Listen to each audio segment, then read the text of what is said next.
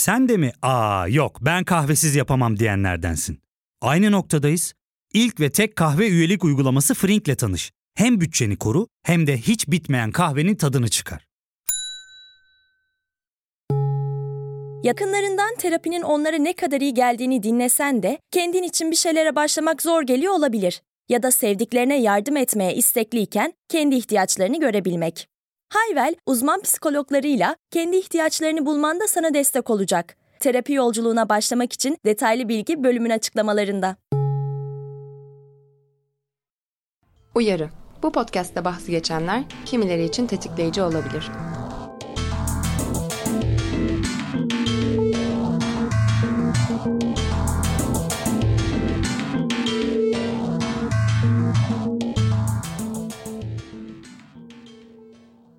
Bir Aralık Dünya AIDS Günü'nde gençlik ve veya cinsel sağlık alanında çalışan dernekleri bir araya getirerek gerçekleştirilen savunuculuk faaliyetleri çerçevesinde beraber hareket etmek, çalışmalardaki sürdürülebilirlik ve görünürlüğü sağlamak amacında olan Bir Aralık Genç İnisiyatifi'nin yürütücülüğünü 2011 yılından beri Sağlıkla Genç Yaklaşımlar Derneği yapıyor. Savunuculuk çalışmalarının temel amacı HIV ve veya AIDS ile yaşayanların insan haklarına dikkat çekmek, HIV ve veya AIDS ile yaşayanlara yönelik ayrımcılıkla mücadele etmek ve HIV ve veya AIDS ile yaşayanların ihtiyaç ve taleplerini gündemde tutmak. 1 Aralık Genç İnisiyatifinin önayak olmasıyla HIV ve veya AIDS ile yaşayanlara yönelik hak hikayelerini konuşacağımız bu bölümün konukları Pozitifiz Derneği'nden Avukat Hatice Demir, Kaos GL'den Defne Güzel ve Pozitif Yaşam Derneği'nden Avukat Esra Erin. Hoş geldiniz Esra, Defne, Hatice nasılsınız? Merhaba Azal, nasılsınız? Heyecanlıyız sanırım. Ee, bizleri bu yayına davet ettiğin için de ayrıca teşekkür ederiz. Ben teşekkür ederim. Tekrardan hoş geldiniz. Konuşan Esra'ydı. Sesini tanımaya başlayabilirsiniz. Hatice hatta senin de bir sesini duyalım. Sonra Defne'nin de sesini duyalım ki sesler kafalarda eşlenmeye başlasın aslında. Merhaba Azal. Gerçekten heyecanlıyız ve çok teşekkürler. Umuyoruz güzel bir yayın olur. Teşekkürler Hatice. Merhabalar. Benim için çok heyecanlı bir aktivite bu. Öncelikle ilk defa bir podcast'te konuk olacaktım. Fakat 1 Aralık tarihinde araya başka bir podcast sıkıştı ve bu süreci deneyimlemiş oldum. Çok seveceğimi düşünürken podcast'te konuk olmayı artık çok sevdiğimi söyleyebilirim. İnanılmaz eğleniyorum şu an ve inanılmaz heyecanlıyım. Hatice ve Esra ile de bu süreci deneyimlemekten ve mental klitoris'e konuk olmaktan da çok mutluyum. Teşekkürler. Ben de mental klitoris olarak ikincin olmaktan çok mutluyum Defne. Çok sağ ol. O zaman öncelikle bu bölüm için nasıl bir araya geldik onu konuşalım istiyorum. Kayıt için bir araya gelmeden önce iki video görüşme gerçekleştirdik. İlk görüşmemizde Hatice'nin dile getirdiği kimi haklı çekinceleri vardı. Bu çekincelere dair hani soru işaretlerini ve üzerinde konuştuklarımızı paylaşarak bir giriş yapalım mı? Ne dersiniz? Hazal ben biraz bahsedeyim o çekincelerden istersen. Benim bu programı iki avukat ve bir açık özneyle yapıyor oluşumuza dair kaygılarım vardı. HIV çok uzun zaman boyunca sadece sağlıkçıların üzerine söz söylediği bir alan oldu. Daha doğrusu en çok sağlıkçıların söyledikleri sözün duyulduğu bir alan oldu. Tıbbi gelişmeler, bazen gelişme beklentileri, tedavi yöntemleri, korunma vesaire derken HIV'le yaşayanların hikayelerini pek duyamadık. Son zamanlarda da Türkiye'de özellikle HIV konusu açılınca hukukçuların sesi sesinin çok gür çıktığını ve hukukçulara çok fazla mikrofon uzatıldığını söyleyebiliriz. Bu da beni biraz tedirgin eden bir durum. Herhangi bir alanda mesleki sıfatlarımızla buluşunca, hele bu sıfatlar avukat, doktor gibi bilgi hiyerarşisi kurmaya çok müsait meslekleri imliyor olunca öznenin deneyimi görünmezleşebiliyor. Bu yüzden böyle platformlarda konuşacakken mutlaka başka kim olacak, kaç avukat, kaç özne olacak diye soruyorum. Burada da her ne kadar Esra'da ben de hukuku HIV'le yaşayanların maruz bırakıldıkları ayrımcılıklar açısında tutmaya çabalayan hukukçular olsak da iki avukat olması deneyim aktarımlarını bastırır mı diye kaygılanmıştım. Ki sonra hep beraber konuşunca Esra'nın da benzer kaygıları olduğu ortaya çıkmıştı. Evet ben de kesinlikle Hatice'nin bu kaygısına tamamen katılıyorum ve şunu da eklemek istiyorum. HIV'in sadece tırnak içinde söylüyorum profesyoneller tarafından ele alınması aynı zamanda bir insanın biricik olan yaşamını etkileyen hak ihlallerinin sadece bir sayı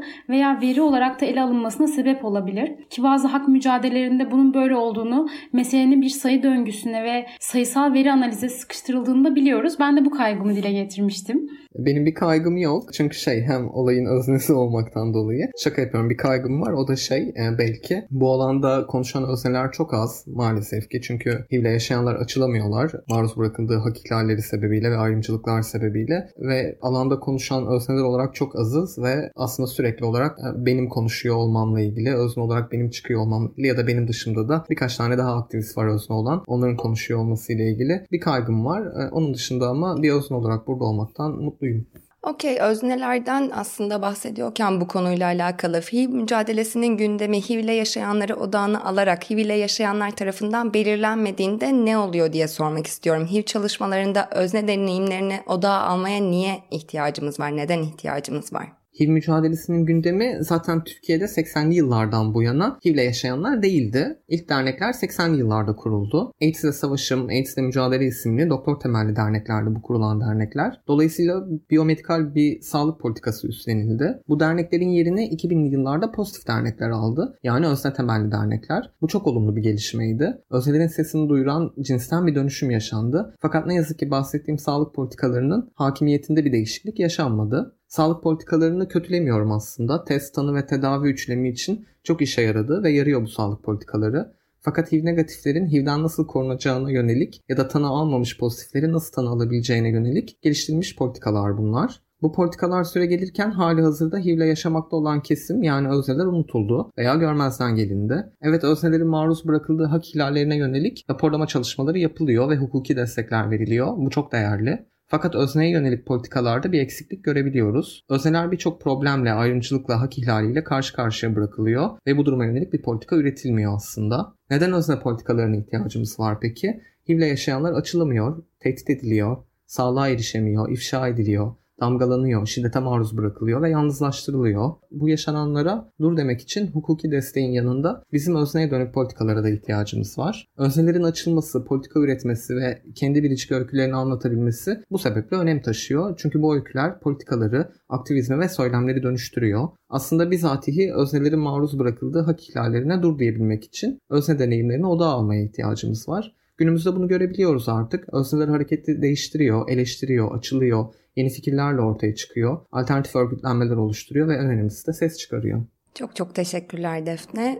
Son aylarda yayınlanan 3 rapor aslında bu bölümün de iskeletini oluşturuyor. Defne'nin hazırladığı Kaos GL'nin HIV ile yaşayan lezbiyen, gay, biseksüel, trans, interseks ve artıların insan hakları raporu, Hatice'nin hazırladığı Pozitivist Derneği'nin 2018-2019 hak ihlallerinin raporlaması ve hukuki çözümleri raporu, Esra'nın hazırladığı Pozitif Yaşam Derneği'nin 3 aylık HIV ile yaşayan bireylerin hak ihlalleri raporu bu raporlar. Hepinizin diğer raporları da okuduğunu tahmin ederek, varsayarak daha doğrusu en çok karşılaşılan ortak hak ihlallerinden ve ihlal alanlarından örneklerle bahsedebilir misiniz? Bu soruya ben sağlık hakkına erişimden başlayarak cevap vermek istiyorum.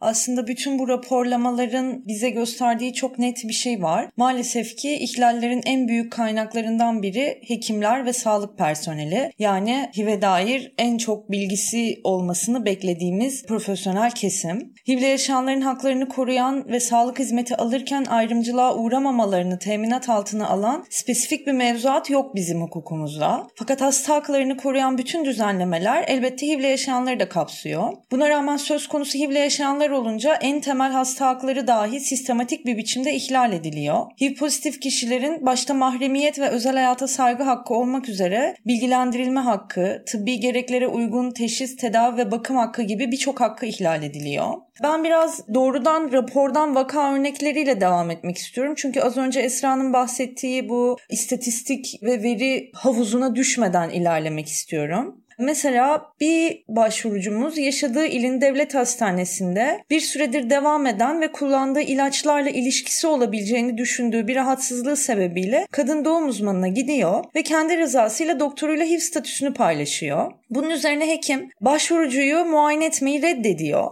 ve başvurucu ısrar ediyor. Bunun üzerine de muayene gerçekleştiriliyor. Başvurucu hastaneden ayrılıyor, evine gidiyor ve aynı hastanenin enfeksiyon kliniğince aranıyor ve HIV testi için çağrılıyor. Bunun üzerine şoka giriyor ve kendisini muayene eden kadın doğum uzmanının yanına gidiyor. Ve diyor ki neden benim rızam dışında benim HIV statümü paylaştın? Ee, ki ben sana ilaç kullandığımı da söylemiştim ben zaten takipteyim diyor. Kadın doğum uzmanı hekim ise bunun karşılığında Diyor ki muayenenin ardından her tarafı temizlemek zorunda kaldım ve sen başka hastalar için risk teşkil ediyorsun. O yüzden bunu bu hastanedeki diğer meslektaşlarımla paylaşmak zorundaydım. Bir başka örnekte başvurucu ve eşi yıllardır takipte oldukları eğitim araştırma hastanesindeki doktorlar tarafından, takiplerini yapan doktor tarafından çocuk sahibi olmamaları konusunda baskıya maruz kalıyorlar. Başvurucu ve eşi B eşittir B ve diğer bilimsel gelişmeleri öğrendikten sonra doğal yolla çocuk sahibi olmaya karar veriyorlar ve başvurucunun eşi gebe kalıyor. Bunun üzerine takiplerini yapan doktor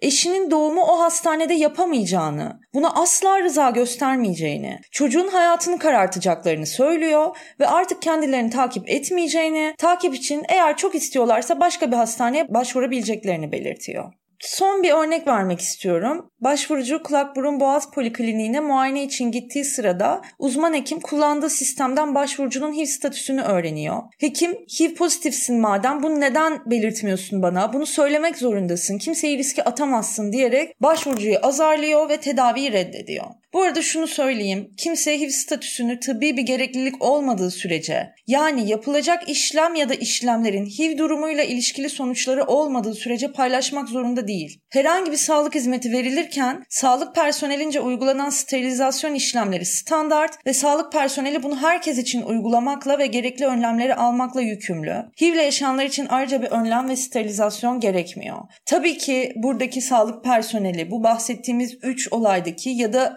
her gün karşılaştığımız onlarca olaydaki bütün hekimler ve yardımcı sağlık personelleri HIV'in bulaş yollarından haberdarlar. Bunu yapmalarının sebebi salt bir bilgi eksikliği değil. Maalesef burada da konuştuğumuz ve konuşacağımız ön yargı.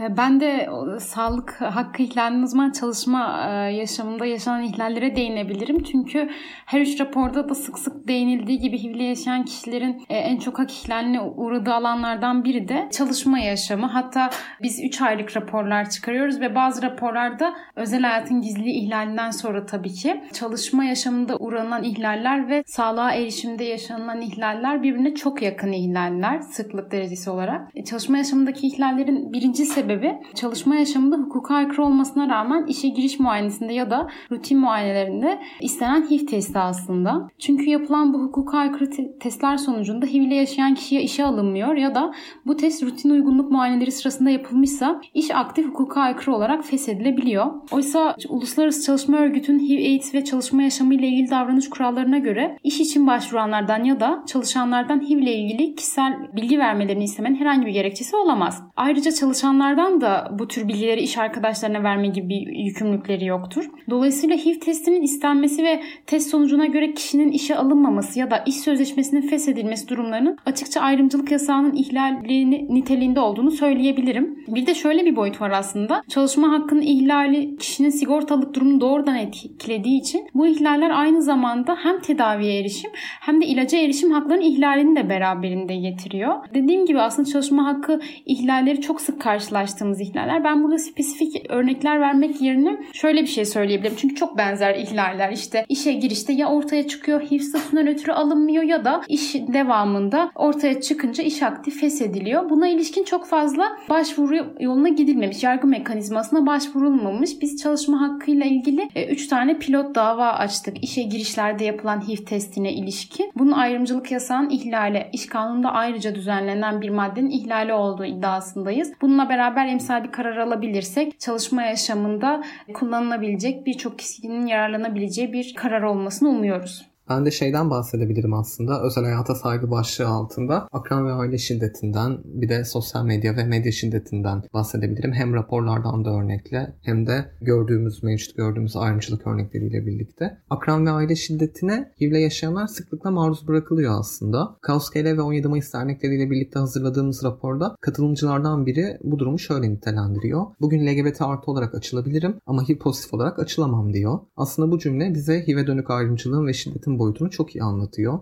HIV'le yaşayanlar bu şiddet sebebiyle ailelerine, akranlarına, partnerlerine açılamıyorlar. Raporda katılımcıların da bu konularda anlatısı mevcut. HIV'le yaşayanların arkadaşları bu durumu öğrendiklerinde arkadaşlığını kesiyor. Senin yanındayım diyen bir arkadaşının bir daha telefonları çıkmadığını söyleyen bir katılımcı mevcut raporda. Partner meselesinde ise partnerler öznelerin statülerini öğrendiğinde ya onlarla iletişimi kesiyor ya onları ifşa ediyor ya da ilişkilenmeye devam etse bile bak hala senin yanındayım. Seni artık ancak bu halinle bir tek ben severim alt mesajıyla psikolojik şiddet ve flört şiddeti uyguluyor. Burada şeyden bahsetmekte fayda var. Ayrımcılık iki sebeple oluyor. Birincisi HIV bir eşcinsel hastalığı, seks işçisi hastalığı, Rus hastalığı ve seks hastalığı sanılıyor. Toplum bu sebeple HIV'le yaşayanların bir ceza çektiğini düşünüyor. Muhafazakar bir toplum elbette HIV'le yaşayanları bu sebepler dolayısıyla da ayrımcılığa maruz bırakıyor. İkinci sebep ise HIV'in ölümcül ve sosyal bulaşıcı olduğu sanılıyor. Kişiler hastalanma korkusuyla, ölme korkusuyla HIV'le yaşayanları gözden çıkarıyor, izole ediyor ve hatta gettolara itiyor.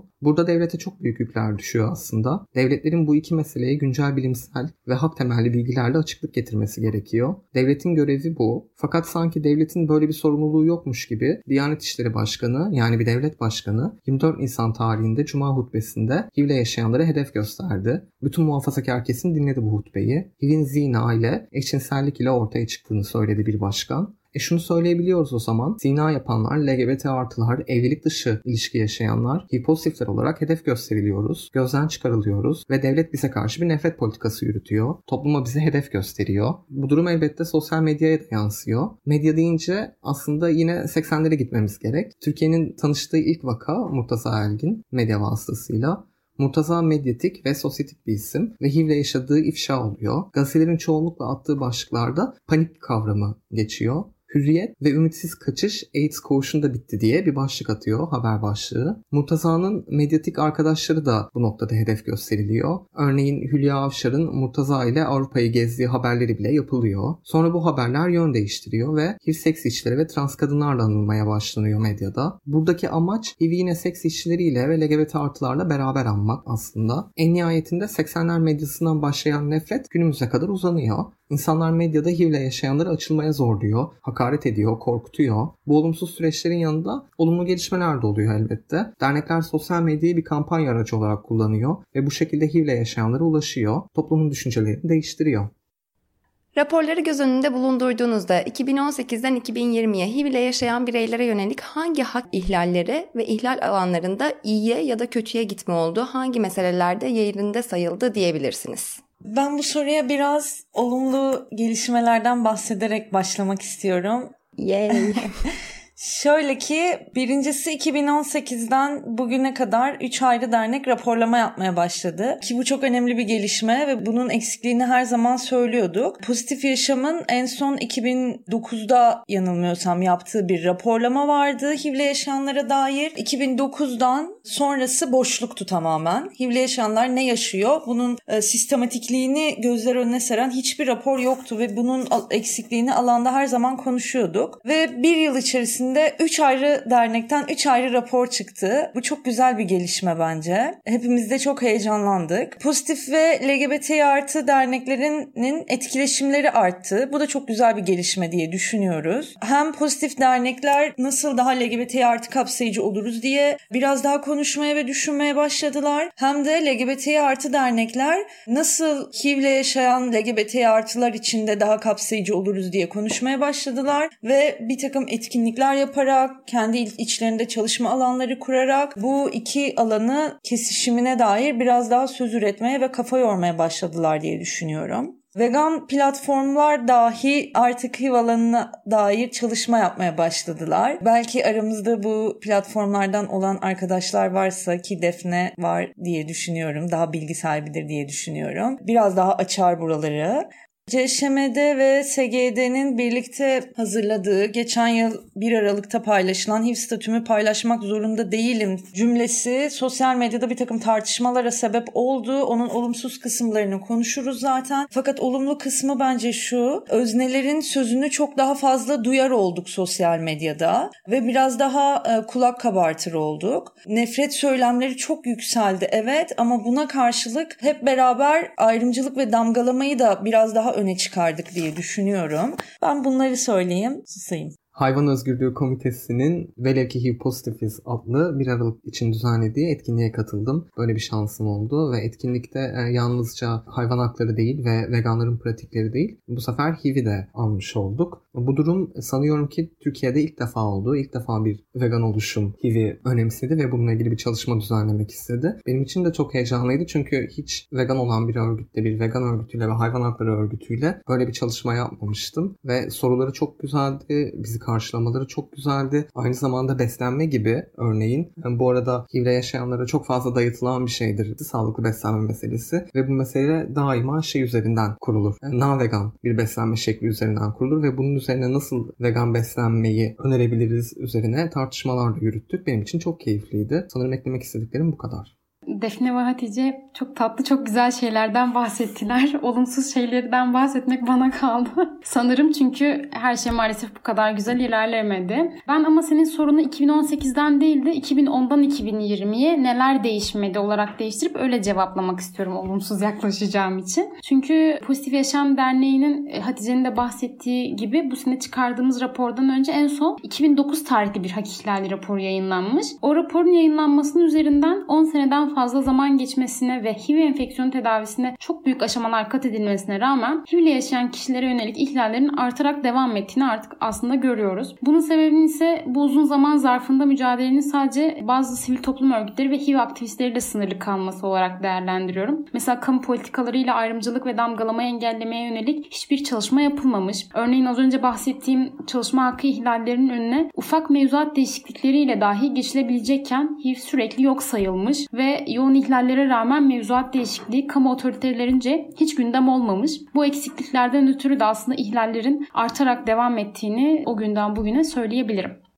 Pozitif Yaşam ve Pozitifiz derneklerinin raporları HIV ile yaşayan kişilere odaklanırken ve tabii ki bu şemsiyenin altında LGBT artı bireyler de varken Kaos GL'nin raporu HIV ile yaşayan LGBT artı bireylere daha çok odaklanıyor ve bu hak ihlallerine ve ihlal alanlarına aslında odaklanıyor. HIV ile yaşayan LGBT artı bireyler ile heteroseksüel bireylerin maruz kaldıkları ayrımcılık, hak ihlali ve ihlal alanlarında ne gibi farklılıklar oluyor? Bu raporları göz önünde bulundurarak veya belki raporların dışında da söyleyecekleriniz vardır. Bu farklılıklara dair neler neler söyleyebilirsiniz? HIV ile yaşayan kişiler LGBT artı olduğunda, HIV pozitif LGBT artı bir mülteci olduğunda ayrımcılık ve şiddet katmanlaşıyor. Yani dezavantajlılığa yeni bir dezavantajlılık eklendiğinde şiddetin boyutu da artıyor. Açık kimlikli LGBT artılar için HIV ile yaşıyor olması işte hak ettiğini buldun olarak değerlendiriliyor. Bu durumun yanı sıra bazı özel ihlaller de beliriyor. HIV ile yaşayan translar uyum süreçlerinde ayrımcılığa maruz bırakılıyor. Uyum süreçlerini devam ettiremiyor. Çünkü HIV ile yaşayan transların ya ameliyatlarını doktorlar yapmıyor ya da fahiş fiyatlar çekiyor ya da HIV yaşayan transseks işçileri müşterileri tarafından şiddete maruz bırakılıyor. Mesleği bırakmak zorunda kalıyor, tehdit ediliyor. Bu sebepler göz önüne alındığında kesişimsel çalışmalar yapmak önem arz ediyor tabii ki. Biz raporu yayınlarken de buna özen gösterdik aslında. HIV yaşayan LGBT artılar varlar ve özel ihtiyaçları spesifik maruz bırakıldığı ayrımcılıklar var. Bunların daha fazla görünür olması gerekiyor. Çok çok teşekkürler. Ben de aslında soruma şöyle bir ekleme yapayım. Siz heteroseksüel bireylerin maruz kaldıkları ayrımcılıklardan farklılıklar diyerekten ekleyeyim ve bir dahaki soruma geçeyim o zaman. Defne, sizin raporun giriş yazısında HIV ile yaşayan LGBT artılarla görüşmeleri gerçekleştirirken maalesef bazı kimliklere ve deneyimlere erişemedik, görüşme şansı yakalayamadık diyorsun. Raporun giriş yazısında olduğu gibi bu kısmı biraz daha açabilir misin? Yani özellikle hangi LGBT artı kimlikler ve gruplar hangi sorunları yaşıyorlar ve hangi kaygılarla HIV pozitif olarak açılamıyorlar? 10 HIV'le yaşayan LGBT artı ile görüşme fırsatı yakalayabildik biz. Burada önemli noktalardan biri de benim LGBT artı hareketinde açık kimliğimle HIV aktivizmi yapıyor olmam da sayılabilir. Bu sebeple farklı cinsiyet kimliğinden ve cinsel yönelimden HIV'le yaşayan kişilere ulaşabildik. Fakat hem çalışma zamanının kısıtlı olması hem bizim yeteri kadar araştırma yapabilme fırsatımızın olmaması hem de HIV'le yaşayan LGBT artıların haklı olarak açılamaması sebebiyle bazı öznelere ulaşamadık. Raporun ön sözünü bu bağlamda yeniden okumak isterim aslında ilgili kısmı. HIV'le yaşayan lezbiyen biseksüel kadınlar özellikle statülerinden haberdar aileleri, partnerleri ve sağlık personelleri tarafından ayrımcılığa maruz bırakılıyorlar. Maalesef kadınlar uğrayabilecekleri ayrımcılığın ve şiddetin boyutunu düşünerek HIV pozitif olarak açılamıyorlar. Heteroseksist, cisseksist, patriarka her alanda kadınların sözünü kestiği gibi bu alanda da kadınların politika üretmesinin, söz söylemesinin önünü kesiyor. HIV'le yaşayan seks işçilerinin can güvenliği özellikle müşterileri tarafından tehdit altında. HIV'le yaşayan seks işçileri sürekli olarak ifşa alma korkusuyla karşı karşıya. Bu kişiler HIV ile enfekte olduklarında ya işlerini bırakmak zorunda kalıyorlar ya da ifşa ediliyorlar. Ekonomik kaygıları sebebiyle açılamıyorlar. HIV ile yaşayan translar medikal süreçlerinde sağlık personelleri tarafından ayrımcılığa maruz bırakılıyorlar. Translar HIV pozitif olduklarında ya medikal süreçleri gerçekleşmiyor ya ayrımcılık ve şiddet silsilesi içerisinde gerçekleşiyor ya da kurumlar kişilere bu süreçler için fahiş fiyatlar çekiyor. HIV ile yaşayan LGBT artı mahpuslar hapishane yönetimi ve infaz koruma memurları tarafından ayrımcılığa ve şiddete maruz bırakılıyorlar. Tecrit ediliyorlar, ilaçlarına ulaşamıyorlar, gerekli kontrol ve tedavi alamıyorlar. HIV'le yaşayan engeli ya da engelleri olan LGBT artılar sağlığa erişimde problemler yaşıyorlar. Kapsayıcı olmayan hastaneler ve fiziki koşullar sebebiyle kişiler sağlığa erişim noktasında birçok sıkıntıyla karşı karşıya kalıyorlar. HIV'le yaşayan göçmen LGBT artılar son dönemde özellikle sağlık sigortası hususunda gelen düzenlemeler nedeniyle ilaca erişemiyor, belirsizlikler sebebiyle uygun tedavi alamıyor, dil bariyeri sebebiyle alternatif seçeneklerden haberdar olamıyorlar. HIV'le yaşayan yaş almış LGBT artılar ise yönetmelik gereği huzur evlerinde kalamıyorlar ve temel ihtiyaçlarını karşılayamaz durumdayken bile yalnızlığa itiliyorlar. Bilindiği üzere HIV çok değişti. Günde alınan bir veya birkaç ilaç ile 3 ya da 6 ayda bir yapılan rutin kontrollerle HIV'le yaşayanlar herkes kadar sağlıklı bir ömür sürebiliyorlar. ART'ler virüs kopyalarını imha edip bağışıklık sistemi hücrelerinin yeniden çoğalmasına ve HIV-RNA sayılarının 20 kopyanın altına kadar düşmesine vesile olurken bir taraftan da aktarım özelliğini ortadan kaldırıyor belirlenemeyen eşittir bulaşmayın olarak literatürde yerini alan bu durum sayesinde kişinin HIV-RNA sayısı uygun tedaviyle belirlenemez duruma geldiğinde kişinin aktarım özelliği de ortadan kalkıyor. Buna karşın HIV-fobi maalesef değişmedi. HIV ile yaşayanlara yönelik önyargılar devam ediyor. 80'li yıllarda HIV bir sağlık kriziyken bugün HIV, HIV ile yaşayanlar için bir sosyal kriz niteliğinde aslında. HIV ile yaşayanlar açılamıyor, işlerinden ediliyor, hedef gösteriliyor, ifşa ediliyor, izole ediliyor, gettolara itiliyor ve şiddet, intihar, ölüm HIV ile yaşayanlara reva görülüyor. Çok çok teşekkürler Defne. Hem bence rapor için hem de burada raporu okuduğun için ve açıkladığın için de çok teşekkürler. Peki pozitif derneklerin LGBT artılara dair veri oluşturamamasının nedenleri ve sonuçları ne oluyor? Aslında ayrımcılık ve damgalamanın bu kadar yoğun olduğu bir yerde kişiler zaman zaman sivil toplum kuruluşlarına ulaşmakta dahi e, tereddüt ediyorlar. Tereddütü bazen ben gelen başvurularda ses tonlarından dahi alıyorum. Bir de yoğun bir şekilde özel hayata ilişkin sorular sormak bu tereddütü artırabiliyor. Kişi telefonu kapatmak isteyebiliyor ya da başvuran açısından gergin bir danışmanlık görüşmesi olabiliyor. Bu sebeple bu verileri eksiksiz sormak çok mümkün değil. Bu verileri de sormak istemiyoruz danışmanlığın başında bu sebeple. Bu durum durumu kendi aramızda da tartıştığımız çok fazla oldu. E, hatta bu konuda Yıldız'ın bir önerisi olmuştu. Hatice ya da Defne belki bundan bahsetmek ister. Verileri nasıl alabiliriz'e ilişkin. Onları o yüzden e, atayım topu yani sevgili Yıldız'a da selam yollayarak onun önerisinden bahsedeyim. Fakat öncesinde şunu eklemek istiyorum. Gerekli mi ayrıca bir veri tutmak noktasında? E, şüphesiz ki gerekli. Çünkü LGBT artılar HIV söz konusu olunca kilit gruplardan biri. Burada kastım LGBT artılarda HIV ile yaşayan kişi sayısının yüksekliği ya da düşüklüğü değil. LGBT artıların HIV ile yaşıyorlarsa ayrımcılığa uğrama ihtimalleri katlanarak artıyor. Bu yüzden haklara erişimde kilit gruplardan biri halindeler ve biz bu haklara erişimle ilgili bir şey yapmak istiyorsak önce o grubun hangi haklara neden ve hangi koşullarda erişemediğini bulup sonra o gruplara uygun çözüm önerileri ve politikalar üretmemiz ve önermemiz gerekiyor. Kilit gruplar ve hizmetlere erişimle ilgili genel olarak bir örnek vermek istiyorum. Mesela anonim test merkezlerinin 10 ile 17 arasında hizmet vermesi gece çalışıp gündüz dinlenen seks işçilerinin o hizmetten faydalanamaması sonucunu doğurur. Dolayısıyla siz oraya seks işçileri de gitsin istiyorsanız seks işçilerine uygun saatlerde de orayı açık tutmanız gerekir gibi gibi. Bu konuyu dediğim gibi önemsemiyor değiliz. Ee, en son Kavus GL'nin HIV çalıştayında e, bu konu konuşuluyordu. Sevgili Esra'nın da söylediği gibi e, Yıldız bir öneri getirdi. Şunu söyledi. HIV'le yaşayan LGBT artıların yaşadıkları ihlalleri sayısal olarak raporlayamıyorsanız, oradan bir istatistik çıkaramıyorsanız da raporun metodolojisine bir ek yaparak her raporda mutlaka spesifik olarak LGBT artı kişilerle odak görüşmeler yapıp deneyim aktarımı katabilirsiniz edebilirsiniz o raporların içerisine dedi. Ki çok makul ve aslında çözüm olabilecek bir öneri. Çünkü Esra'nın dediği gibi biz tek tek kişilere, pozitif dernekleri arayan kişilere cinsel yönelim, cinsiyet kimliği soramıyoruz. Ama bazen şu, şu oluyor. Kişi kendisi zaten bunu paylaşabiliyor. Ya da zaten aktardığı ihlalin içinden resen o sonuç çıkıyor. Kişinin cinsel yönelim ve cinsiyet kimliği çıkıyor. Yani doğrudan çoklu ayrımcılığa maruz kalmış oluyor. Böyle ihlalleri biraz daha uzun vaka şeklinde raporlarımızı alıp sonuçlarına dair bir takım çıkarımlar yapabiliriz diye düşündük biz de. Tabi bunun için yine pozitif derneklerin kendi aralarında toplanıp bunu sayısal bir istatistik olmasa da bunu raporlara nasıl yansıtacağını konuşması gerekiyor. Hatice çok doğru e, söyledi. Cinsel yönelim ve cinsiyet kimliğine ilişkin sorularda ciddi bir tereddüt yaşanıyor ama bazen isim dahi hani kendi özel raporlarımıza yazmak için isim dahi sorduğumuzda şöyle bir çekince oluyor. HIV tanısı ilk alındığında orada çok sıkıntılı e, HIV tanısını söyleyen hekimin e, tanıyı verdiği hastaya bir sorular soruyor üst üste hani cinsel yönelim, cinsiyet kimliği, uyuşturucu kullanımı ve bunu da işte bildirimi zorunlu bulaşıcı hastalık diye açıklıyor. Ya aslında şöyle e, bu bir anket gibi de sürüyor bir taraftan. Benim için öyle olmuştu en azından. Hekim karşımda duruyordu. Daha doğrusu benim kendi doktorum değil. Yani benimle ilgilenen doktorum değil. Onun asistanının iştirak etmesiyle olmuştu süreç. Biz ikimiz bir odadayken kendisi hem bana çok basit bir fiziksel muayene yapmıştı. Bu fiziksel muayeneden sonra da karşılıklı oturduğumuzda elindeki bir kağıda bana sorduğu soruların e, benim verdiğim cevaplarını yazdı. Ve işte bu soruda evet benim cinsel yönelimimi, cinsiyet kimliğimi bana sormuş bulundu. Bu anketi de bildirimi zorunlu bulaşıcı hastalık biz bunu yapmak zorundayız diye açıklıyorlar. Biz bu sebeple bu böyle sorular sorduğumuzda acaba başka bir yere mi bildirilecek? Bu görüşme kayıt altına mı alınıyor gibi tereddütler oluşuyor. Bu yüzden de zaten sorma konusunda çekinceler yaşıyoruz.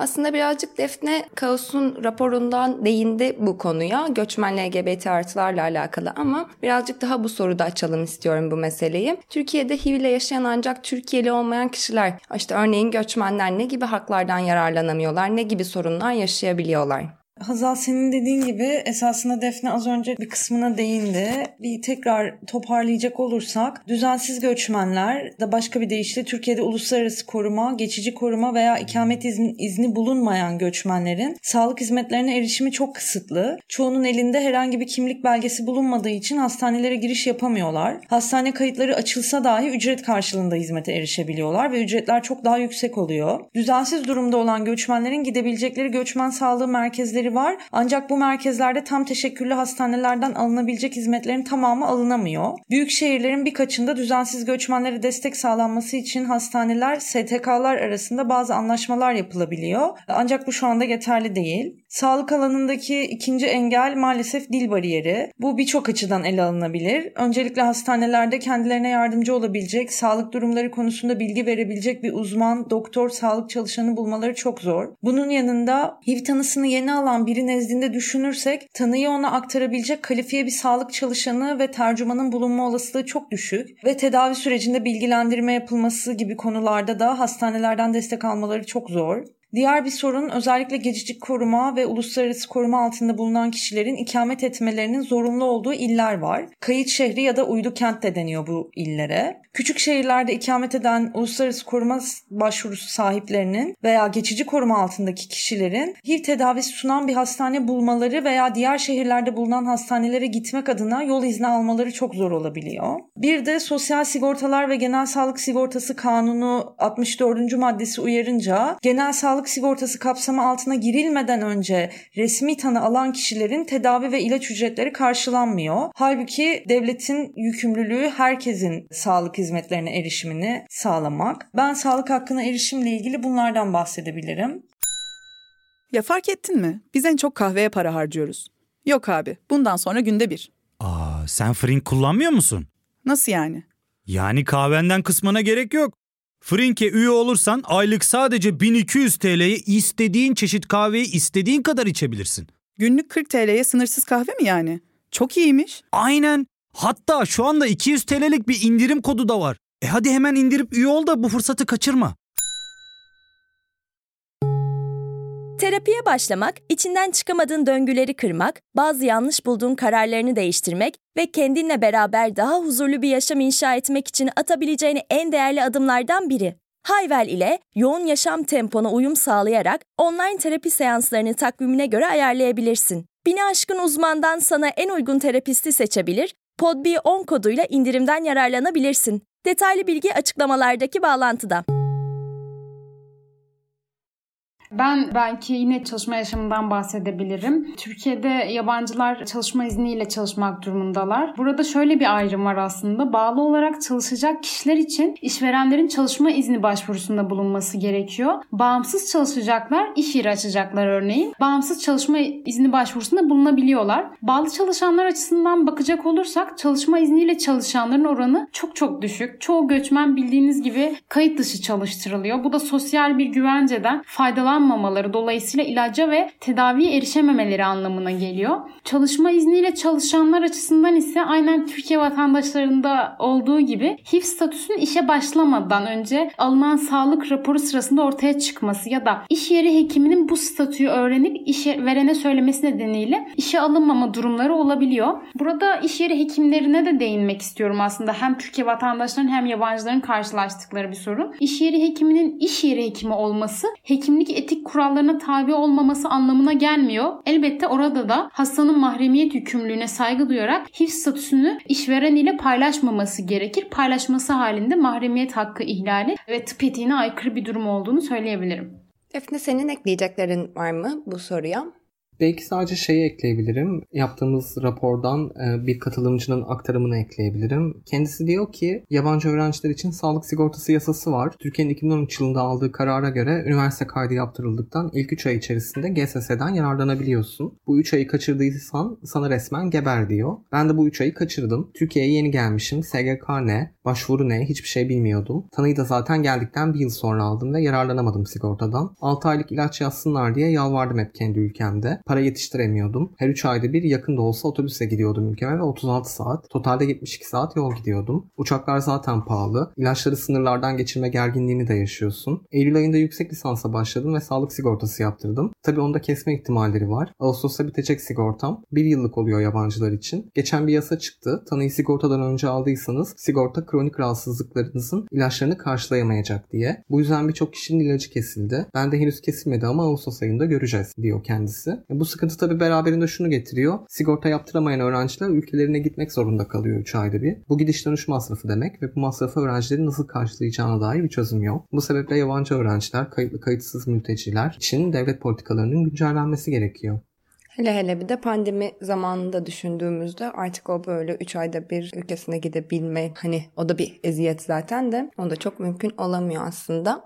Raporlardan bahsettik. Raporlama çalışmalarının olduğunu biliyoruz. Peki HIV'le yaşayan bireylere yönelik hak ihlalleri ile alakalı dernekler başka ne gibi çalışmalar yürütüyorlar? Bu süreçte HIV'le yaşayanlara nasıl destek sağlıyorlar? Dilerseniz ben burada kendi örgütlü olduğum derneklerden başlayarak anlatayım. Pozitifiz tanı sonrası danışmanlığı ve akran danışmanlığı veriyor. Aynı zamanda ücretsiz hukuki danışmanlık da veriyor gönüllü avukatları aracılığıyla. Bunların hepsini anonim başvuru alarak yapıyor. Yani kişilerden isim dahil herhangi bir bilgi istemiyor. Kimlik ismi vermek zorunda değil arayan kişi. E, sadece bazen veri tutabilmek için yaş, şehir gibi şeyler soruyor. Fakat tekrar ediyorum kişi bunları paylaşmak istemiyorsa asla buna zorlamıyoruz. Keza Spod'un avukatıyım. Spod'un profesyonel çalışanlarından biriyim. Spod da danışma hattı aracılığıyla LGBTİ artılara akran danışmanlığı veriyor. Aynı zamanda tüm LGBTİ artılara hukuki destek, psikolojik destek ve duygusal destek veriyor. Spod'un danışma hattı da hafta içi her gün 12'den 6'ya kadar açık. Aynı zamanda HIV'le yaşayanlar da tabii ki bütün bu hizmetlerden faydalanabiliyorlar var. Ve tabii ki SPOD'un bütün bu hizmetleri de bütün başvurucular için anonim bir şekilde kullanıma açık.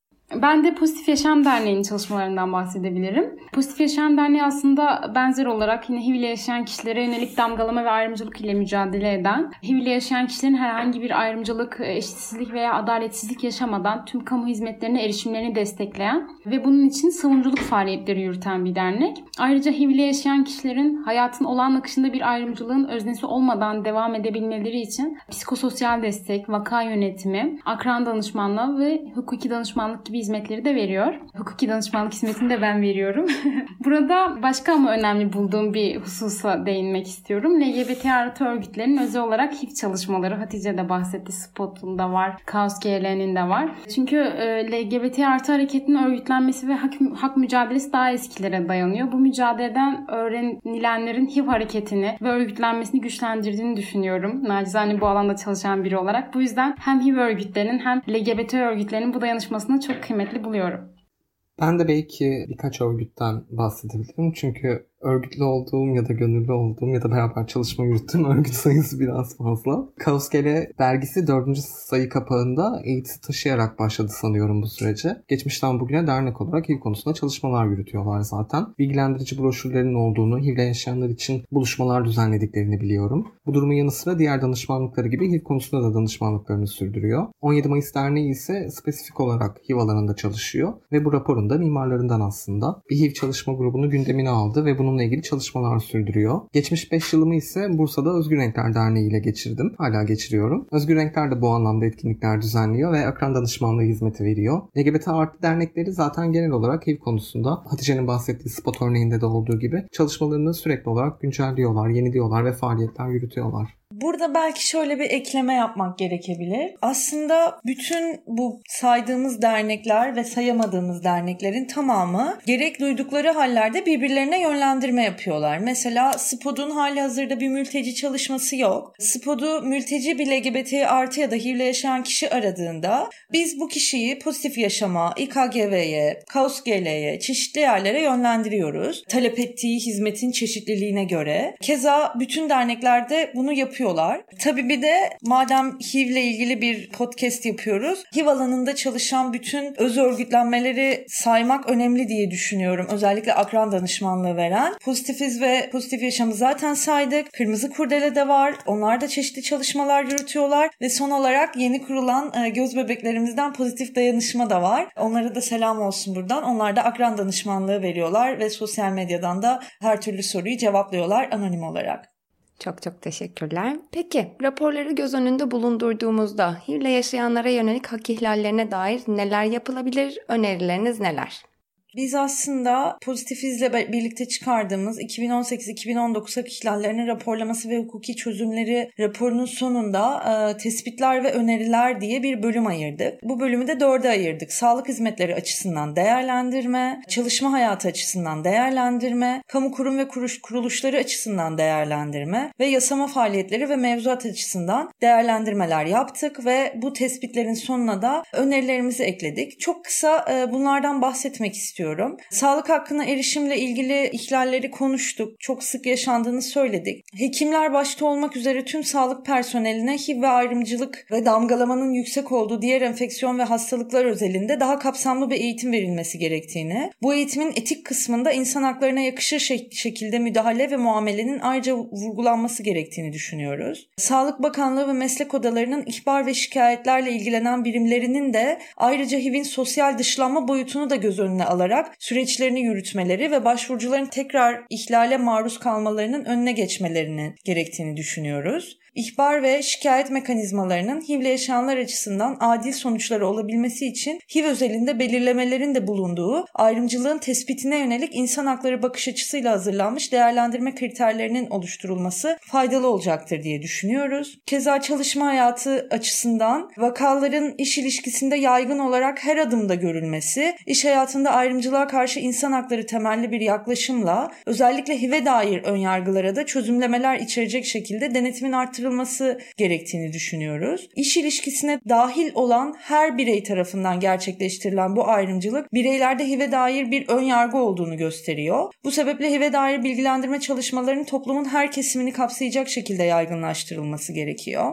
Ve en önemli durumlardan biri e, HIV'e dair ayrımcılıkta sektör fark etmiyor. Sektör fark etmeksizin iş hayatının her alanında bu denli yaygın olarak görülen bu ayrımcılığa karşı mücadelede meslek odalarının da HIV'e karşı ön yargı yargılara dair çalışma yapmalarını ve yaptırımlarını tekrar kurgulamaları gerektiğini düşünüyoruz. Keza kamu kurum ve kuruluşları açısından da kamu kurum ve kuruluşlarında yaşanan HIV'e yönelik ayrımcılık üzerine bu ayrımcılığın kaynağı kişilerin disipliner sorumluluklarının adil bir şekilde yürütülebilmesi için bu hususa dair ilkeler ve değerlendirme kriterlerinin oluşturulması faydalı olacaktır diye düşünüyoruz. Son olarak yasama faaliyetleri ve mevzuat açısından bir değerlendirme yapacak olursak da en gerekli önerinin HIV alanına dair mevzuat çalışmaları yapılarak alana dair tüm hukuki düzenlemelerin HIV'le yaşayanların uğradıkları ayrımcılıklar gözetilerek insan haklarına uygun, ortaklaşılmış ve açık bir düzenlemeye, yaptırımları ve sonuçları açık bir düzenlemeye kavuşturulması gerektiğini düşünüyoruz. Akademinin hem yasama faaliyetlerindeki etkisi hem de bilimsel çalışmalarında insan haklarına uygun ve objektif gerçeklikler yatsınmadan ön yargılardan ayrılmış olması gerektiğini düşünüyoruz ve buna göre HIV'e dair çalışmaların dikkatle ele alınması önemlidir diye düşünüyoruz. Son olarak başta barolar olmak üzere alanda çalışan kamu kurum ve kuruluşları ve sivil toplum örgütlerince HIV'le yaşayanların yaşadıkları ayrımcılıkların incelendiği avukatlara dönük eğitimler düzenlenmeli. Bu eğitimlerde sadece genel kanun hükümlerinden bahsedip konu geçiştirilmeden HIV üzerine çalışmak isteyen hukukçuların ikincil kaynaklara da hakim olması gerektiği vaka örnekleriyle vurgulanmalı diye düşünüyoruz. Sevgili Hatice aslında çok detaylı önerileri sıraladı. Sadece birkaç genel şey söylemek istiyorum. Çok özel çünkü alınılan zaten açıkladı. Belki burada HIV nedeniyle kişilerin yaşadığı hak ihlallerinin başta kamu otoriteleri olmak üzere bu konuda politika üreten herkes tarafından dert edilmesi gerektiğini de eklemek gerekir. Yani HIV'den bahsedilince sadece HIV yayılımının önüne nasıl geçilir tartışmasının yapılması zaten HIV ile yaşayanları daha baştan gözden çıkaran ve HIV ile yaşamayanlara yönelik politikalar konulara odaklanan bir tutum. En başta bu tutumdan vazgeçilmeli ve kamu otoritelerinin alanda çalışan STK'ların rapor ve çözüm önerilerini dikkate alarak HIV ile yaşayan kişilerin haklarını koruyan mevzuat çalışmaları yapması gerekir. Yine HIV ile yaşayan kişilere yönelik ayrımcılık ve nefret suçlarını cezalandırmaya yönelik mevzuat değişiklikleri yapılması gerekir. Bir de burada eklemek istediğim kamu otoriteleri dışında başka bir şey daha var. O da diğer insan hakları örgütlerinin de artık HIV'e ilişkin çalışmalar yürütmesi gerektiği. Çünkü çünkü dünyanın her yerinde hemen hemen her yerde ayrımcılığa uğrayanların hiyerarşisi var. Özellikle ülkemizde bu durum çok yaygın. Bir zamanlar LGBT artı hakları bu hiyerarşinin en altında yer alıyordu. Birçok insan hakları derneği için. Elbette verilen mücadele sayesinde bugün bu konuda çok yol kat edilmiş durumda. Ama halen daha HIV'li yaşayan kişilerin haklarının çoğu, çoğu kişi tarafından bu oluşturulan hiyerarşide çok aşağılarda yer aldığını görebiliyoruz. Bunun değişmesi ve temel hakları herkes için savunmanın insanca yaşamanın tek yolu olduğunu sanırım görmemiz gerekiyor. Belki ben de HIV'le yaşayan LGBT artıların insan hakları raporunun öneriler kısmından bazı ilgili başlıkları sıralayabilirim. Kendilerini ilgilendiren mevzuat ve kamu politikaları belirlenirken HIV'le yaşayan LGBT artıların kendi deneyimlerini aktarabileceği ve taleplerini duyurabileceği uygun katılım koşullarının yaratılması gerekiyor. Anayasa, Türk Ceza Kanunu, Türkiye İnsan Hakları ve Eşitlik Kurumu Kanunu ve İş Kanunu'nun eşitlik ve ayrımcılık yasağı maddeleri cinsel yönelim, cinsiyet kimliği, cinsiyet özellikleri ve sağlık statüsünü korunan temeller olarak açık biçimde tanımalıdır. Nefret suçlarına dönük mevzuat, kurumsal kapasite ve politikalar, hak temelli örgütlerin ve Avrupa Güvenlik ve İşbirliği Teşkilatı'nın öneri ve standartları ışığında geliştirilmeli. Mevcut kurumlar ve yetkililer kendilerini HIV ve insan hakları alanında güçlendirmeli. HIV'i bir nefret aracı olarak toplumun önüne sürmemeliler. HIV ile yaşayan LGBT artıların insan haklarının güvence altına alınması ve teşvik edilmesi için kurumlar ve yetkililer mevzuat ve politika geliştirmeliler. HIV ile yaşayan LGBT artı kişilerin ayrımcılık riski nedeniyle kendi kendilerini kısıtlamadan hayat pratiklerini sürdürebilmeleri için hak temelli psikososyal destekler kamu politikalarına entegre edilmeli. Bu noktada HIV ile yaşayan LGBT artılar özellikle istihdam alanında güçlendirilmeli. Eğitim ve müfredat HIV alanında güncellenmeli. HIV'in müfredat içerisinde yer alması ve HIV ile yaşayanların haklarına ilişkin çalışmaların arttırılması gerekiyor. HIV ile yaşayan LGBT artılar maruz bırakıldıkları hak ihlalleri karşısında yargı yoluna gidebilecek şekilde güçlendirilmeliler. Bu noktada yargı süresince ifşa almalarının veya diğer hak ihlallerinin minimum seviyeye indirilmesi için gerekli prosedürel ve kurumsal düzenlemeler yapılmalıdır. Çok teşekkürler hepinize. Bir sonraki sorumda Türkiye'de HIV'e dair üretilen politikalarda ne gibi sıkıntılar olduğuna dair nasıl politikalar üretilmeli, neler yapılmalı, nasıl bir HIV mücadelesine ihtiyacımız var? Aslında şöyle, o biraz önce de bahsettiğim sağlık politikalarını göz önüne aldığımızda evet Türkiye'de değişen bir hareket mevcut ve yönelik ama bunun yanı sıra değişmeyen bir politikadan bahsedebiliyoruz. Değişmeyen bir sağlık politikasından bahsedebiliyoruz. Ve bu politika aslında daha çok HIV negatifleri kapsayan ve korunmaya yönelik, teste ve tedaviye yönelik çalışmalar. Bu çalışmalar en nihayetinde kimi unutuyor oluyor aslında? Özneleri unutuyor oluyor. Bu arada bu konu LGBT artı HIV ile yaşayanlar olduğunda tek değil. HIV ile yaşayan LGBT artılar özelinde baktığımızda aslında HIV ile yaşayan LGBT LGBT artıları her iki tarafında yani HIV örgütlerinin de LGBT artı örgütlerinde tam olarak kapsamadığını, kapsayamadığını ya da kapsamaları için gerekli çalışmalar yürütemediğini görüyoruz. Bunu rapordan da hareketle söyleyebilirim. Rapordaki katılımcıların belirttiği aktarımlar şu şekildeydi. Yani birçoğu aslında LGBT artı örgütlerinin danışmanlık kapasitelerinin HIV ile yaşayan LGBT artılar söz konusu olduğunda yeterli olmadığını düşünüyor ve HIV derneklerinin, HIV örgütlerinin de gerekli politikaları, gerekli aktivizmi yürütemediğini düşünüyorlar. Bu sebeple de her iki örgüt arasında sıkışmış ya da hiçbir örgüt beni temsil etmiyor minvalinde düşüncelere sahip olabiliyorlar. Bu da aslında bize günün sonunda bir ödev veriyor oluyor, bir mesaj iletiyor oluyor. Bu mesajda HIV ile yaşayan LGBT artıların güçlendirilmesi mesajı. HIV ve LGBT artı meselesine baktığımızda her iki mesele birbirinden uzak değiller. 80'li yıllardan beri aslında 80'li yıllar Amerika'sından bu yana HIV ve LGBT artı hareketi kol kola omuz omuza yan yana yürümüş hareketlerdir ve her iki taraf da HIV ile yaşayanlar da LGBT artılar da 80'li yıllarda queer diye hakarete maruz bırakılırdı. Yani queer aslında LGBT artılara ve HIV ile yaşayanlara dahil ve her ikisinden de koparılamayacak gerçekler. Bu noktada aslında örgütlerin sanırım ya da hareketlerin bunu yeniden hatırlaması gerekiyor. Bu bizim Türkiye'de çok şahit olmadığımız bir şeydi. 80'li yıllarda Amerika'ya dönüp baktığımızda EKTAP'ın eylemlerini görebiliyoruz ve bu eylemlerde HIV ile yaşayanlar ve LGBT artılar yan yanalar. Türkiye'de böyle bir durum söz konusu olmadı. Böyle bir eylemsellik söz konusu olmadı. Ama HIV alanında değişen bir politika süreci mevcut. Bu politika politikada özne temelli bir politika. Öznelerin yer alması ve öznelerin sesini duyurması gerektiğini düşünen bir politika. Zaten bugün de bunları konuştuk. Bu noktada önerebileceğim şey, söyleyebileceğim şey evet örgütlerin aslında o biraz önce bahsettiğim 80'li yıllarda queer kime denir diye yeniden hatırlayıp HIV'le yaşayan LGBT artı özneler için bu öznelerin de taleplerini ve ihtiyaçlarını gözeterek politikalar üretmesi gerekiyor.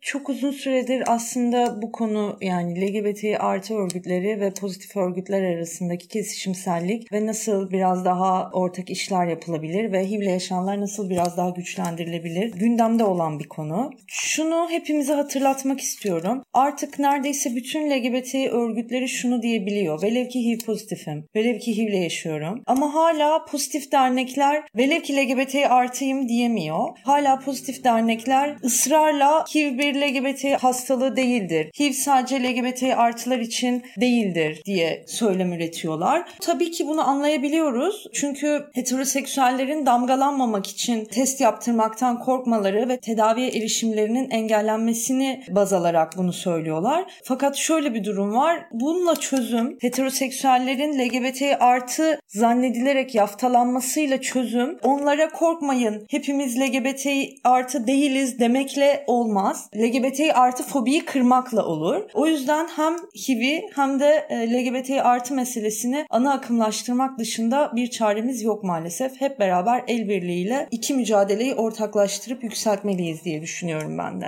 Ve velev ki ibneyiz, velev ki HIV pozitifiz. Ben de velev ki ibneyiz, velev ki HIV pozitifiz diye katılayım söylediğine Hatice'nin. O zaman gelelim geçtiğimiz bir aralığa yani 1 Aralık 2020'ye. Daha önce HIV aktivisti Yunus Emre Demir'i konuk almıştım HIV ve AIDS'ten konuşmak başlıklı bölümde. O bölümde de yine Yunus Emre'nin bir yazısından böyle 1 Aralık'ta yapılmaması gerekenleri konuşmuştuk. Yine birazcık daha dalga geçelim istiyorum ya da yani hani vahametlere ve güzelliklere dikkat çekelim istiyorum. Bir, bir Aralık daha geçti. Ne gibi güzelliklere ne gibi denyoluklara şahit olduk bu son 1 Aralık'ta. Ben çok creepy diye nitelendirebileceğimiz bir olayla açılışı yapmak istiyorum.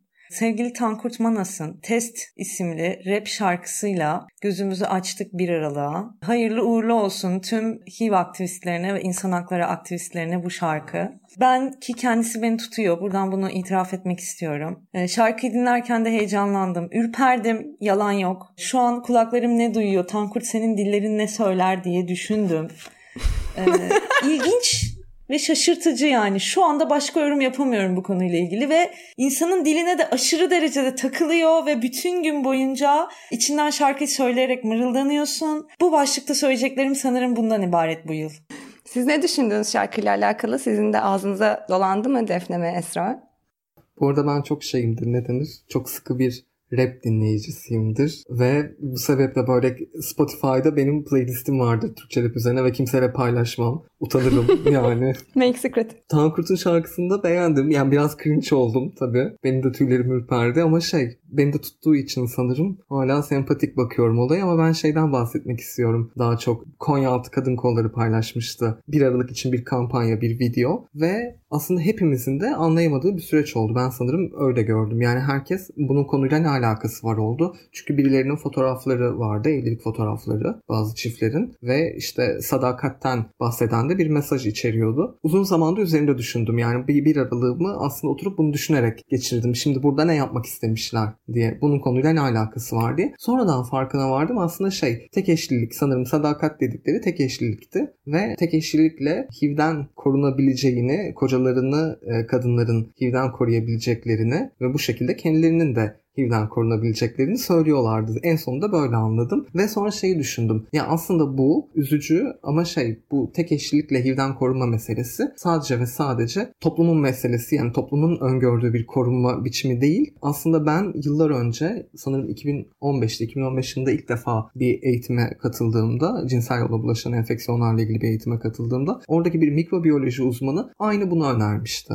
Orada da HIV nasıl aktarılmaz ya da HIV'in aktarılmaması için neler yapabiliriz e, slide'ın, slide'ın başlığı buydu ve bu başlık altında olan şeylerden biri yine aynı Konyaaltı Kadın Kolları'nınki gibi sadakattı. Ve şey aslında toplumun biraz da durumu böyle bir yerden de gördüğünü düşünüyorum. Bu arada bunun dışında da e, eklemek istediğim bir başka husus aslında komik bir bir aralık eleştirim var benim. Bir aralıklar etkinliklerle, farkındalık çalışmalarıyla ve politika üretmekle tartışmakla geçiyor. Kaçırdığımız bir nokta olarak bütün bunları yapıyoruz ve bütün bunlar çok güzel ama bir aralığı kutlamıyoruz sanki. Bir aralıkta yaşamı kutlamamız gerektiğini, bugüne eğlenceye ve neşeye de ayırabileceğimizi düşünüyorum aslında. Sanırım bir aralık için de politika üretmemiz gerekiyor gerekiyor artık 1 Aralık özelinde. Günün anlam ve önemini yapılandırmamız gerekiyor. Yine bilgilendirme çalışmalarına düşüyoruz. Yine HIV'le yaşamayanları bilgilendiriyoruz. Sanırım HIV'le yaşayan biri olarak ben benim dinlenebildiğim, eğlenebildiğim bir şeyleri kafama takmadığım bir 1 Aralıkları talep ediyorum.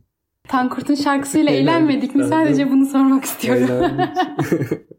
Evet çok e, aslında bir Aralık'ta genel olarak geçen seneki bir Aralık'ı çıkarırsak genel olarak eğleniyoruz aslında. Konyaaltı Kadın Kolları paylaşımı da şarkılar da. Ee, geçen sene daha bir gergin bir bir Aralık geçmişti. Bu sene bir herhalde öyle bir bir Aralık bekliyorduk. Hani yine bir e, işte statümü paylaşma paylaşmama mevzusu üzerinden bir tartışma dönecek mi dönmeyecek mi diye. Geçen seneki gibi lince linç boyutuna varacak bir tartışmaya ben rastlamadım. Sadece yine mini mini işte böyle ya yine türemiş bu bunlar gibi böyle bireysel böyle saldırılar vesaire denk geldim. E, ama geçen seneki gibi bir kriz olmadı.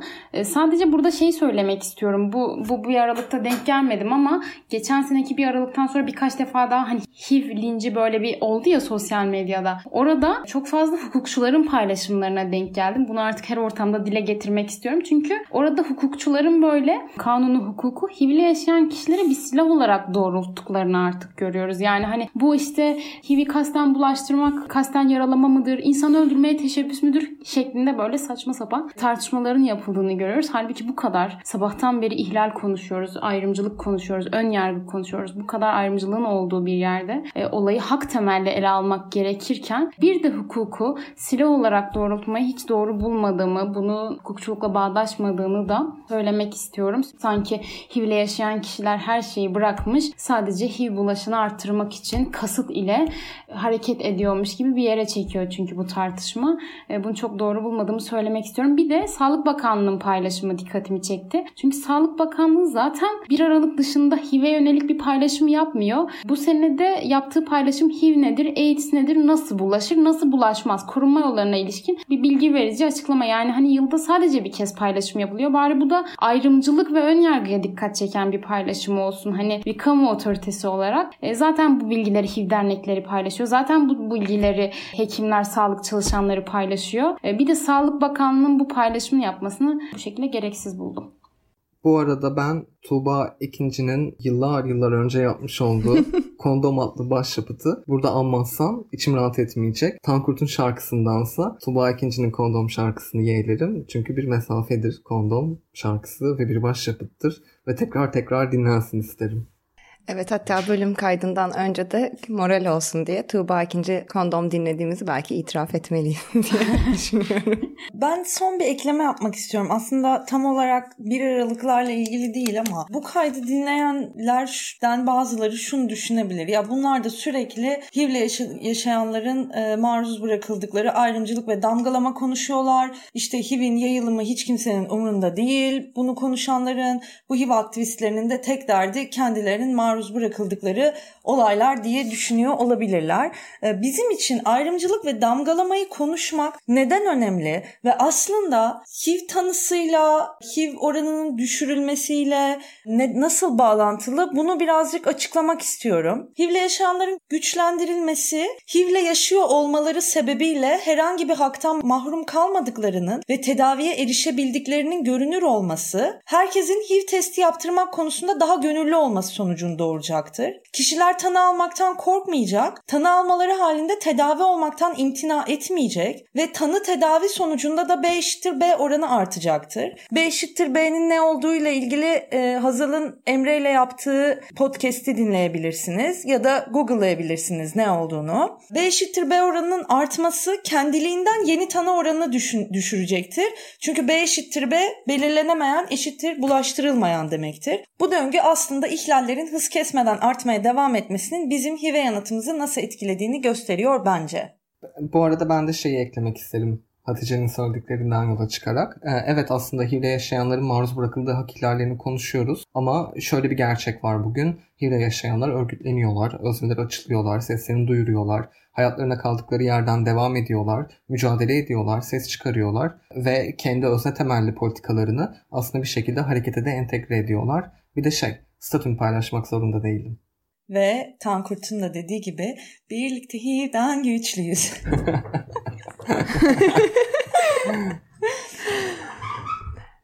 evet bir de zorunda mıyım paylaşımı da vardı. Zorunda mıyım? O da güzeldi. Bu yılki zorunda mıyım? Sevgili derneğim Spud'un e, HIV'le yaşayanları güçlendirecek ne yaptın diye sorarken Seda Sayan nidasıyla nerede ne yaptın e, hashtag ile bunu paylaşması ve diğer derneklerin buna verdikleri cevaplar vardı. Onları da sosyal medyada bulabilir isteyenler. Bu arada şey Hatice ile benim içinde bulunmuş olduğumuz HIVperverler ailesine de buradan selam göndermeden içim rahat etmez. Onlara da selam olsun. Hiperverler ailesine çok selamlar o zaman. Adetten olduğu için yine yine yine soruyorum. Sizin eklemek, sormak, söylemek istediğiniz başka bir şey var mıdır bölümü kapatmadan önce? Teşekkür ederiz Hazal. Çok keyifliydi bizim için. Ben teşekkür ederim. Çok sağ olun geldiğiniz için. Ee, Hazal çok teşekkürler. Çok tatlısın. Hepimizi çok rahatlattın. Ve bize bu alanı açtığın için de ayrıca teşekkür ederiz. Ben size teşekkür ederim. Çok teşekkürler bir tanem. Çok zor bir iş yapıyorsun. Ama ben kendim için benim hayalimin işi olduğunu düşünüyorum bunun. O yüzden burada olmak çok keyifliydi. Ellerine sağlık. Hepimizin emeklerine sağlık. Gel beraber yapalım diye böyle. Çok çok çok çok teşekkür ederim tekrardan. O zaman bir dahaki bölümde görüşmek üzere.